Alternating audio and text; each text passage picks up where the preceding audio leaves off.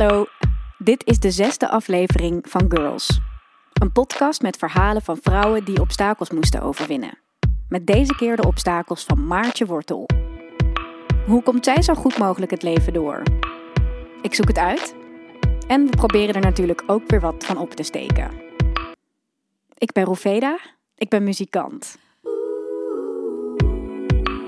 En ik ben al heel lang bezig met het maken van mijn eerste album.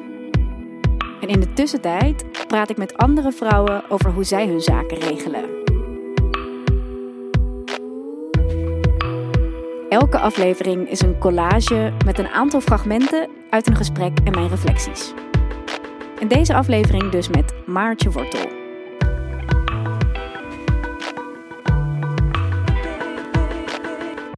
Maar eerst heb ik post van een luisteraar die ik met je wil bespreken. Afgelopen week kreeg ik namelijk een bericht van de 14-jarige Julia uit Empel bij Rosmalen in Brabant. Ze schreef dat ze een krantenwijk heeft en dat ze die krantenwijk echt vreselijk vindt. Ze heeft tips nodig voor bijbaantjes die beter bij haar passen. Ze weet namelijk best goed wat ze wil en waar ze goed in is, maar dat kan ze het best zelf even vertellen. Ik ben zelf heel snel lerend en behulpzaam. Ik heb zelf stage gelopen op mijn bejaardentehuis. Dat vond ik heel erg leuk. Maar ik wil later toch wel iets in de verpleegkunde gaan doen, denk ik. Ik wil het liefst, denk ik, in een ambulance gaan werken. Maar dat weet ik nog niet zeker. Maar het lijkt me heel erg leuk om iets, een baan te hebben waarin je wel je handen kan gebruiken en ook behulpzaam kan zijn. En ja. Heb je tips van toen je zelf als tiener een bijbaan had? Of woon je in de omgeving Rosmalen en weet je nog iets? Laat je tips achter via mijn contactgegevens in de show notes. Dan zorg ik dat het bij Julia terechtkomt. Dus ja, laat maar horen van je als je een baantje hebt voor mij. Doei! Dan nu naar de aflevering.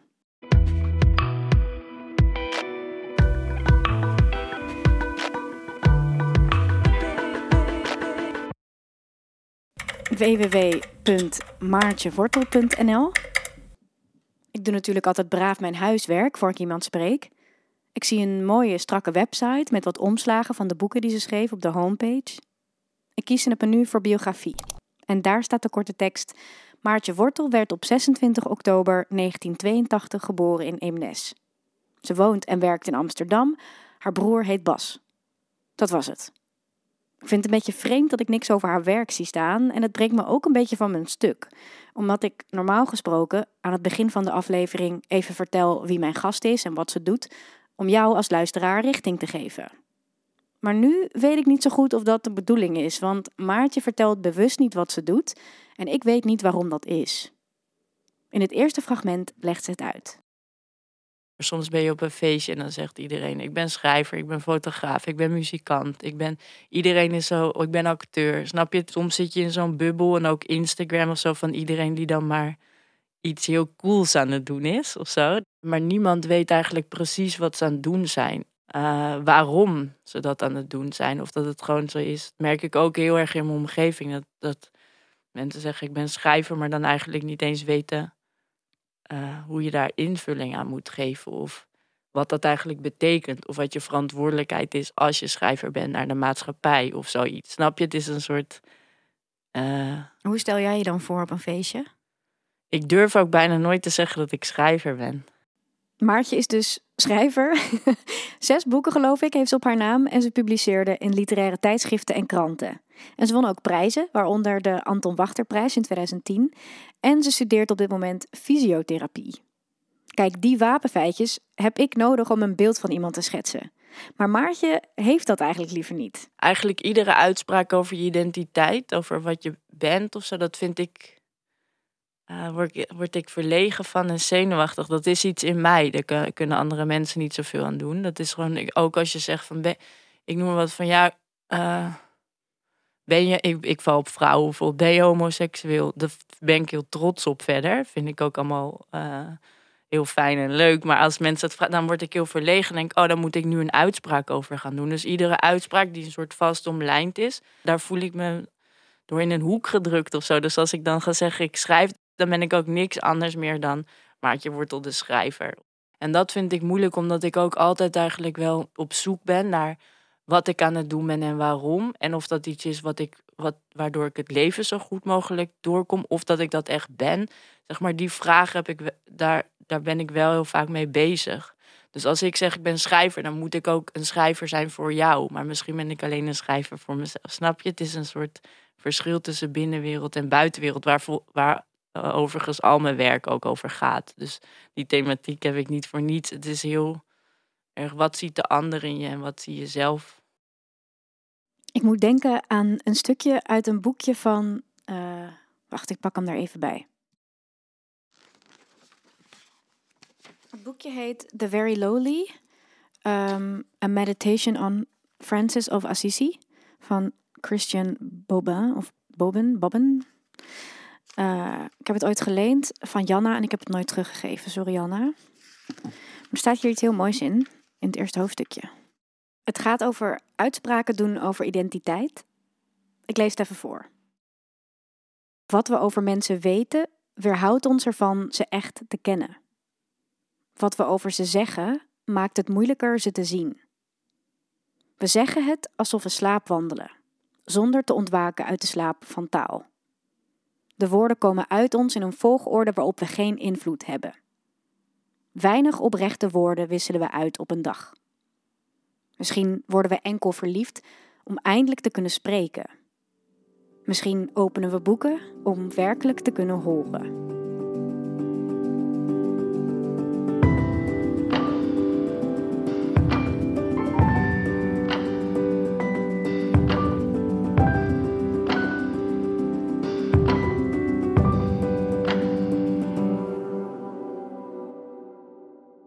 Dat stukje uit het boekje gaat over hoe misleidend het kan zijn om mensen te duiden.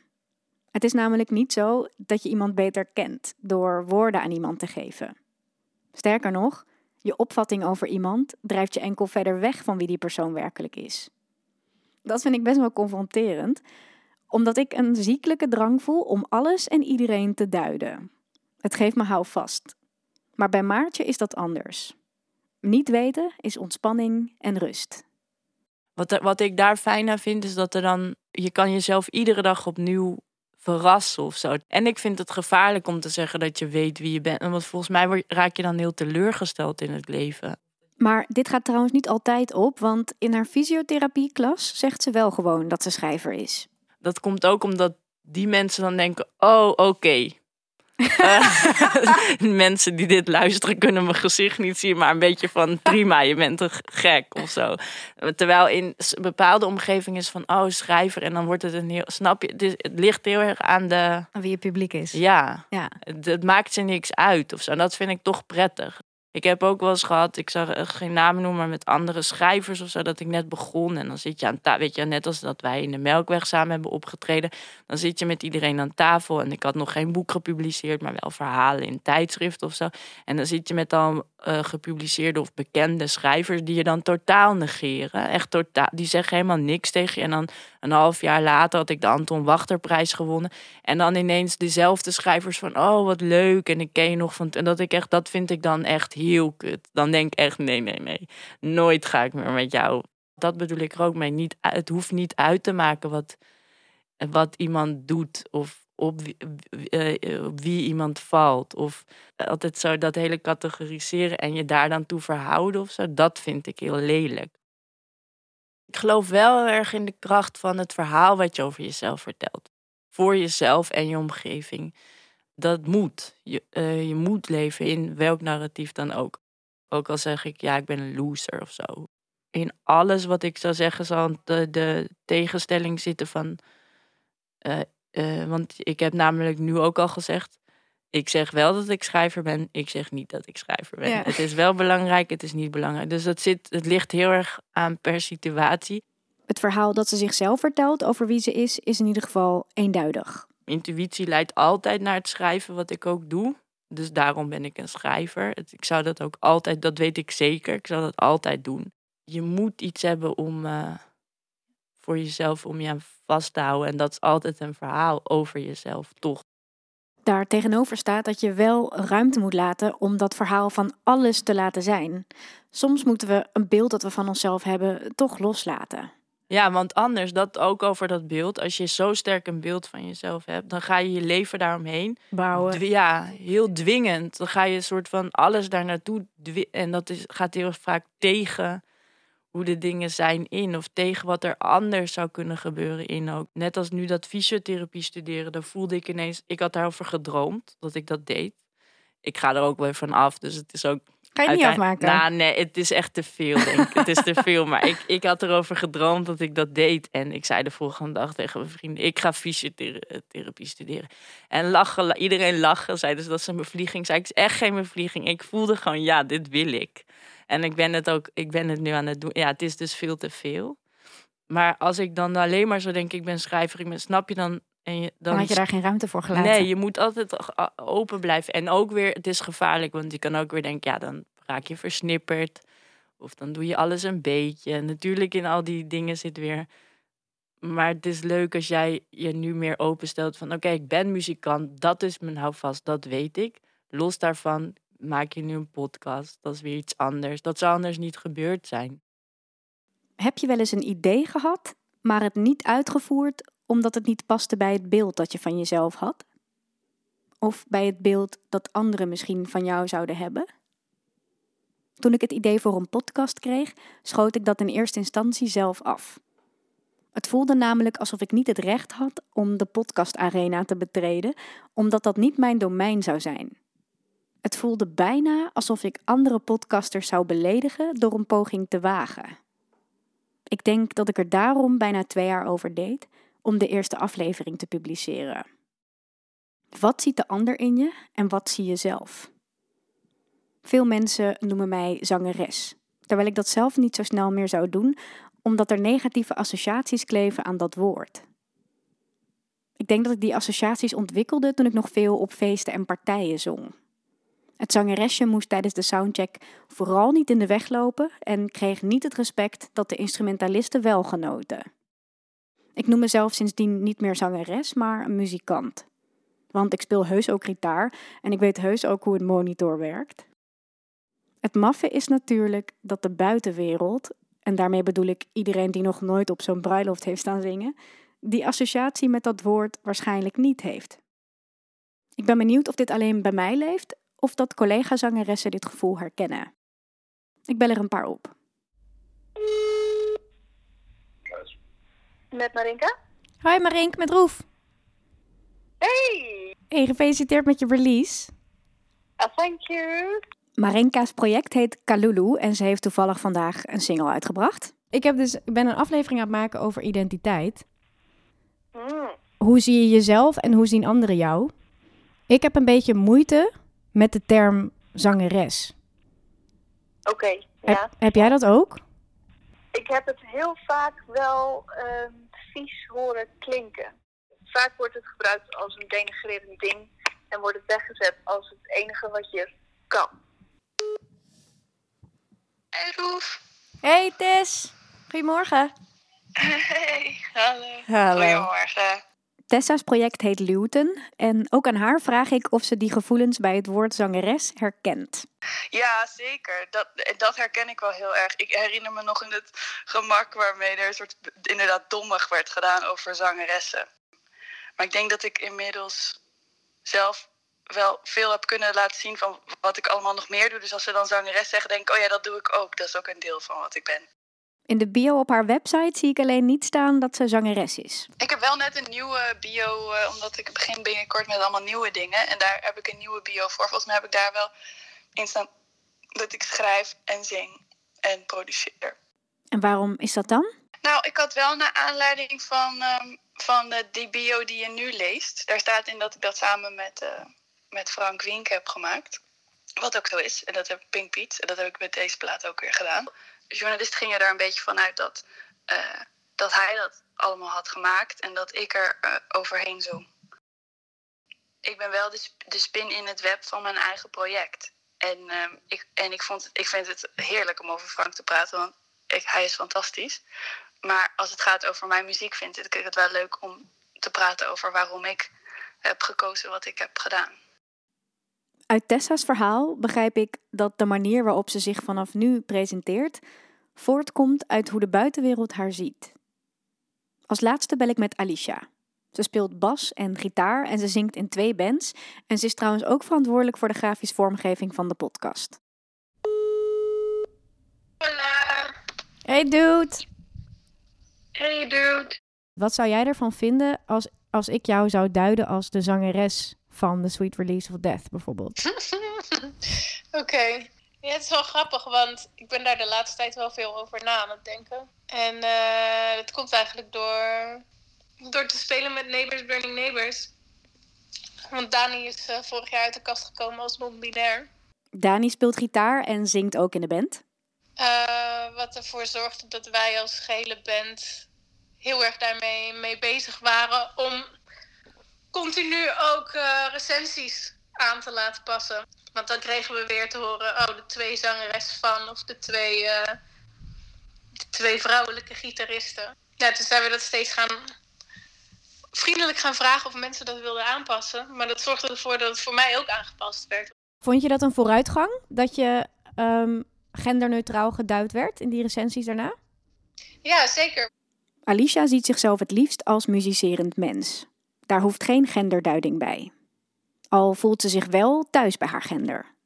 Maar de gevoelens die ik heb bij het woord zangeres, die herkent Alicia niet. Ik denk ook dat het voor iedereen anders is. Want, want er zijn ook genoeg eh, vrouwen die het juist ontzettend empowering vinden om eh, dat wel te blijven benoemen. Na dit rondje bellen besef ik dat ik een super ingewikkeld genderhoofdstuk heb aangeboord.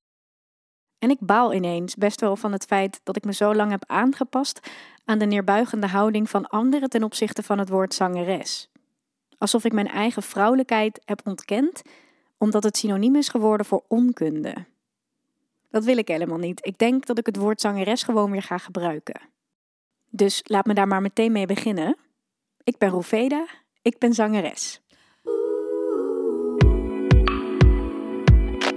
Dit voelt een beetje als een Lion King moment. Oké, genoeg over mij. We gaan weer terug naar Maartje. Maartje vertelt uit wat voor soort gezin ze komt en wat voor invloed dat gehad heeft op hoe ze omgaat met het begrip identiteit. Mijn vader en moeder komen alle twee uit een familie die ze bijna niet spreken, omdat ze heel erg drop-out zijn in de familie. En eh, ze hebben elkaar daarin gevonden en zijn alle twee best wel wild en vrij. Het was niet echt ouderlijk gezag. Ik ben meegenomen altijd naar allerlei feesten en sliep in hondenmand onder de piano. Zeg maar gewoon. En ik, kon, ik vond dat heel fijn, bijvoorbeeld. Ik, dat past heel erg bij wie ik ben. Maar mijn broer vond dat bijvoorbeeld wat minder fijn. Dus dat vind ik ook weer interessant. Dat als je uit één gezin komt of één omgeving, dat je precies dezelfde, echt precies hetzelfde over narratief gesproken. Je zit in hetzelfde decor, maar je hebt een heel ander eh, verhaal daarbij. Ik geef dus les op de Rietveld en er was een meisje en ze had, een, ze had in een gedicht zoiets van hou vast. Ze had iets over hou vast geschreven en ze zei zoiets van hou vast is van plastic en oranje. Toen, ik snapte het eerst niet meer, ze bedoelde een boei gewoon. Maar toen hadden we zo'n gesprek erover wat is hou vast. En toen ging ik dat aan mijn omgeving vragen, omdat ik dacht dat is een interessant onderzoek op zich, hoe, hoe mensen dat zien. Ik vond het grappig, want mijn vader zei meteen ja, zo vrij mogelijk uh, en los mogelijk leven, dacht ik, oh ja, dat is ook natuurlijk niet voor niets in je zit zoiets, zo'n opvatting in je opvoeding.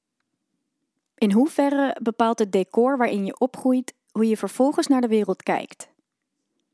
Ik kom uit een prestatiegericht gezin. En dat bepaalt ook dat Maartje in mijn ogen succesvol is.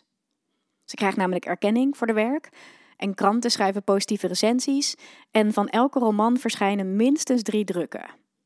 In het geval van de roman IJstijd tikt ze zelfs acht herdrukken aan. Maar Maartje voelt zich als mens niet per se heel succesvol. Ik voel me heel erg een kind dat per ongeluk in een uh, volwassen lijf en een volwassen, zeg maar over identiteit gesproken, ik denk, deed het. Uh, hoe kan het nou dat ik ineens 37 ben en dat eigenlijk mijn omgeving professioneel, tussen aanhalingstekens, een professioneel leven aan het leiden is. Inderdaad, met afspraken, met een huis, met af en toe een huwelijk, met kinderen, met een stabiele relatie, met werk waar ze dan voor kiezen en waar ze ook voor aangenomen worden. En dan als ze het niet meer willen, hebben ze binnen een maand nieuw werk, wat nog beter werk is. Ze hebben een salaris wat altijd steady, snap je? Ze hebben een hypotheek. Dat heb ik allemaal niet. Dus als je kijkt naar succesvol, dat, ik weet ook niet, ik kan amper voor mijn planten zorgen, zeg maar. Het is een soort, ik, ik heb verder niet dat ik mezelf heel succesvol voel als volwassen persoon of zo. Ik denk echt iedere dag, kut, nou, mm, alsof ik zeven ben en dan van oei, oei, ik moet vandaag weer voor mezelf gaan zorgen. Hoe ga ik dit doen? Dat is iedere dag eigenlijk opnieuw. Of leven op je voorschotten, dat gaat er, zit er niet Nee, in. nee, nee, nee. Dat gaat echt absoluut Ik heb niet. geen, geen verstand ervan. Ik heb geen idee wat voor bedragen nee, dat nee, gaat. dat gaat echt niet om hoge bedragen. Ik heb wel eens hoge bedragen aangeboden gekregen door eh, uitgeverijen. Maar dan, dat, dat is heel kut. Want dan moet je zoveel boeken gaan verkopen om dat terug te Dan heb je betalen. gewoon een Dus schuld eigenlijk. Ja, dan heb je een schuld. Dat wil ik echt niet. Nee. Nee, ik, heb- ik, ik verdien heel weinig geld met mijn boeken.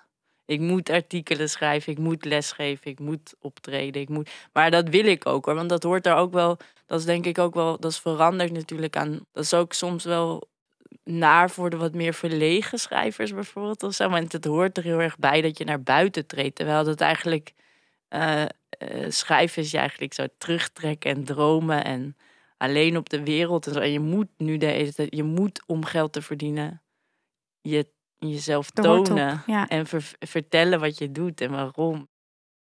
Je kan me succesvol noemen in, het, in de vrijheid die ik voor mezelf heb. In ook de vorm van geen enkele dag is hetzelfde. Ik weet nooit wat ik zal verdienen. Ik woon in een soort schuur. Ik heb geen kinderen. Ik heb steeds andere relaties die ik bijna nooit vol kan houden. Omdat ik het moeilijk vind om afspraken te maken. Ik voel mezelf wel heel erg incapabel eigenlijk om gewoon te leven of zo. Ik weet niet zo goed hoe dat moet en ik weet ook niet wat het betekent en ik weet dus ook niet wat succesvol betekent. Maar ik voel mezelf wel succesvol als je net als je terugkoppelt naar ben je gelukkig. Ja, daar ben ik wel succesvol in, want dan verlies ik alles. Oké, dan val ik of zo. Goed, daar ben ik niet, daar ben ik niet bang voor. Terwijl als ik denk hoe meer je van die dingen om je heen verzamelt, zoals houvast van een huis, een huwelijk, kinderen hoe meer je ook kan verliezen en hoe erger dat ook wordt of zo. Dus ik heb zo'n beetje van, ja, als ik er morgen dood bij neerval, ook goed, want er is niet zoveel om te verliezen, behalve mijn leven. En ja, dat is, heel- daarin ben ik, dat wil ik graag houden hoor, nog. Maar ik bedoel, als ik dat verlies, ben ik de enige verliezer.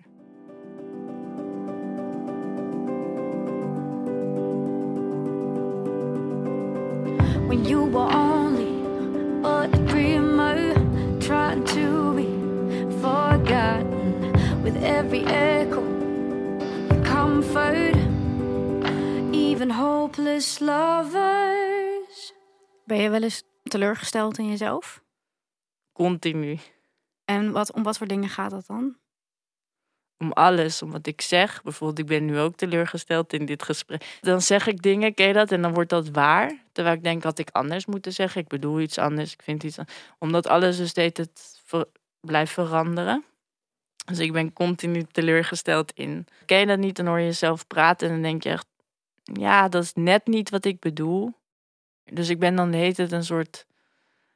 eh, daarin aan het Ja, maar dat is, Spartelen. dat is natuurlijk in, op, op microniveau soort van het, het omlijnen van wie je bent. Door woorden te geven aan dingen. Ja, precies. bedoel, woorden zijn gewoon ook kut. Want woorden zijn... Ja, vind ik ook kut, ja. eh, eh, er zit, het, is maar, het is een poging, het is een benadering van wat je bedoelt. Ja, het is klopt. nooit helemaal wat je bedoelt. Nee, klopt. Dat blijft natuurlijk sowieso altijd. Ja, nee, dat is ook zo. Woorden zijn ook kut. Ik vind woorden ook kut. dat is totaal niet te En doen. dan ben je schrijver. Ja, weet ik. Juist, je zoekt toch altijd op wat je kut Zo'n vindt. paradox van het leven. Ja. In mijn werk ben ik ook altijd teleurgesteld. Ik denk altijd, nee, niet goed genoeg, niet goed genoeg. Maar je brengt het wel uit. Dat is weer zo'n paradox. Ik ben teleurgesteld, maar niet bang. Ik hou ook niet van als ik een boek lees en een boek is perfect. Je hebt sommige schrijvers die beheersen het schrijven perfect. Je ziet ze achter een computer zitten en ze schrijven 200 woorden per dag perfect. En ik schrijf bijvoorbeeld 2000 woorden per dag rotzooi. Maar ik hou er veel meer van als, om dat hele, net als met het leven, om dat proces ook een beetje te zien. Dus ik hou ook in kunst van dat het niet helemaal mooi eruit ziet of zo. Of dat het, ik was nu naar Art Rotterdam vorige week. Ik weet niet, ja, je gaat dit op een andere manier, andere keer monteren. Ik was naar Art Ro- Rotterdam. Een keer. en ik was met een kindje van drie was er mee. En die keek de hele tijd, vond ik zo leuk. Die was helemaal niet geïnteresseerd in die kunstwerken, maar die wilde de hele tijd de achterkant van het kunstwerk bekijken. En toen dacht ik, oh ja, dit is eigenlijk echt te gek dat hij dat doet. Want daar zag je dan bijvoorbeeld, ik noem maar wat, bij een tapijt of zo, zo'n wandtapijt, rafeltjes en dingen. En dat vond hij dan heel mooi. Of achter de video-installatie de snoeren. Ja. En ik dacht, ah, dat is heel leuk. Dat is gewoon een andere manier van kijken van hoe, hoe iets gemaakt is eigenlijk. ja. En dat vind ik heel vaak fijner dan, oh, dit is gemaakt en bedacht door iemand en wat knap. Maartje hecht niet zoveel waarde aan prestaties. Maar ik vraag me toch af wat haar dan wel drijft. En wat ambitie voor haar betekent. Ik heb wel ambitie natuurlijk, want ik maak dingen. Maar ik, ik zie het vooral als, als het leven doorkomen. Zo goed mogelijk het leven doorkomen. Dus wat vind ik leuk om te doen, dat ga ik doen. En daarmee wil ik niet zeggen dat ik niet wil dat mijn werk... Weet je, ik wil wel dat het, dat het mensen raakt of zo. Tuurlijk wil ik dat. Dus niet dat ik dat alleen maar voor mezelf maak. Bij ambitie zie ik voor me zo, oh ja, alsof je iets wil bereiken. Heel vaak zeggen mensen bijvoorbeeld ook in interview, wat wil je dan uiteindelijk nog bereiken? Dat is trouwens ook in de liefde zo. Hè? Als je met iemand bent, dan gaat iedereen, vraagt iedereen, wat wil, je, wat wil je dan uiteindelijk met diegene? Wil je dan samenwonen met een kind? Ik denk nooit aan uiteindelijk. Wat is dan het, het doel, Het of zo? Of de, Ik denk daar niet aan. Maar de stip op de horizon kan ook zijn, dus eh, het zo goed mogelijk leven doorkomen. Jezelf opnieuw uitvinden. Ja, toch? maar dat is toch net zo goed een ambitie? Ja, dat is waar.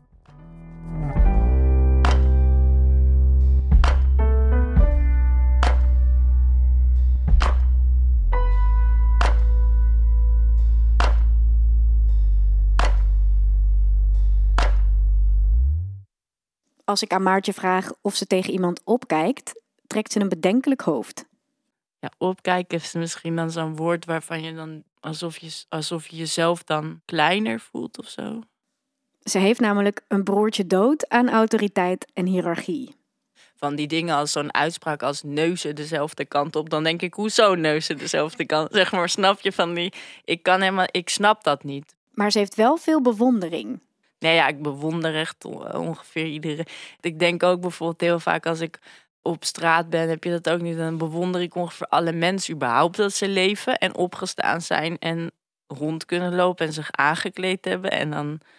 En ik heb heel vaak bijvoorbeeld ook, ik weet niet of je dat herkent, maar dat ik dan iedereen heel knap vind. Iedereen knap, omdat het eigenlijk heel lief is, mensen, een gezicht. En überhaupt bijvoorbeeld ook als ik een boek slecht vind of een liedje slecht vind, überhaupt dat iemand dat gemaakt heeft. In plaats van tv kijken, een boek schrijven, ook als het een kutboek, knap.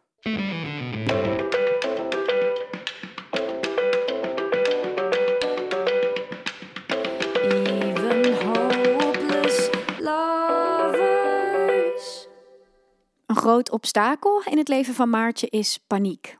En die paniek heeft alles te maken met de blik van een ander. Ik heb bijna altijd als ik loop of zo en mensen zien dat ik loop, voel ik altijd alsof ik ga vallen of alsof ik soort van, zoals als je 15 bent en stiekem gedronken hebt en dan gaat lopen zo van hoi papa, mama, ik ben er weer. Ik voel me heel snel wankel of zo onder de blik van een ander. Daarom is het natuurlijk ook dat ik in het begin zei over identiteit of zo. Dat die hele blik van, die blikken van anderen op mij maken me, daar wil ik de hele tijd onderuit. Het schrijven ziet ze als één grote verdwijntruc. Je communiceert met anderen zonder lichamelijk aanwezig te zijn. En dat, dus dat, dat, helpt me, dat helpt me wel. Of dus wat ik net zei over hiërarchie. Ik, heb niet, ik hoef niet samen te werken. Ik hoef niet. Want dat vind ik dus ook allemaal heel moeilijk, omdat er een soort verwachting is of van jouw rol binnen de groep of zo. En dat merk ik nu ook bij, de, bij die fysiotherapie. Dan denk ik, oh kut, eigenlijk ben ik een soort zwakke schakel in de maatschappij in die zin. Dat ik kan niet functioneren binnen een groep. Dus ik zit altijd ook bij, in die fysiotherapie een beetje in mijn eentje. Dus dan weet ik, mensen hebben elkaar namelijk nodig om te overleven. En ik lig eruit gewoon. Dus ik voel dat heel erg. Ik voel, oh ja, ik hoorde deed het niet echt bij. Dus de enige manier om er wel bij te horen of om wel aansluiting te vinden, is dat schrijven. Want dat is een soort communicatie van ik ben er toch, maar ik ben er niet. Ga je, ga je stoppen met die opleiding omdat dit, dit te veel energie kost? Nee, nee, dit kost me verder niet zoveel energie in die vorm dat ik het wel van mezelf. Ik ben nu wel 37.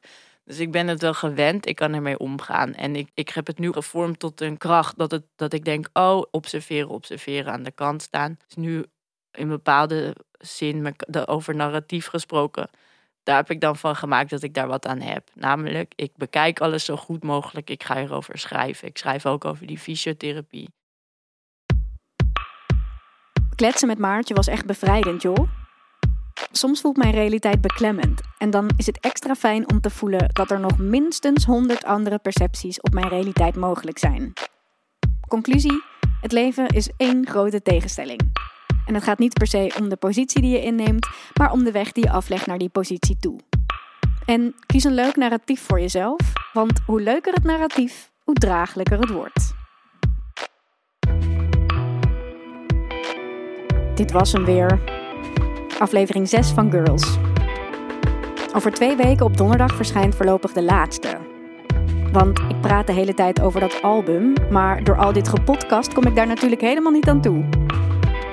Het liedje uit deze aflevering heet Hopeless Lovers en schreef ik samen met Analog Deer.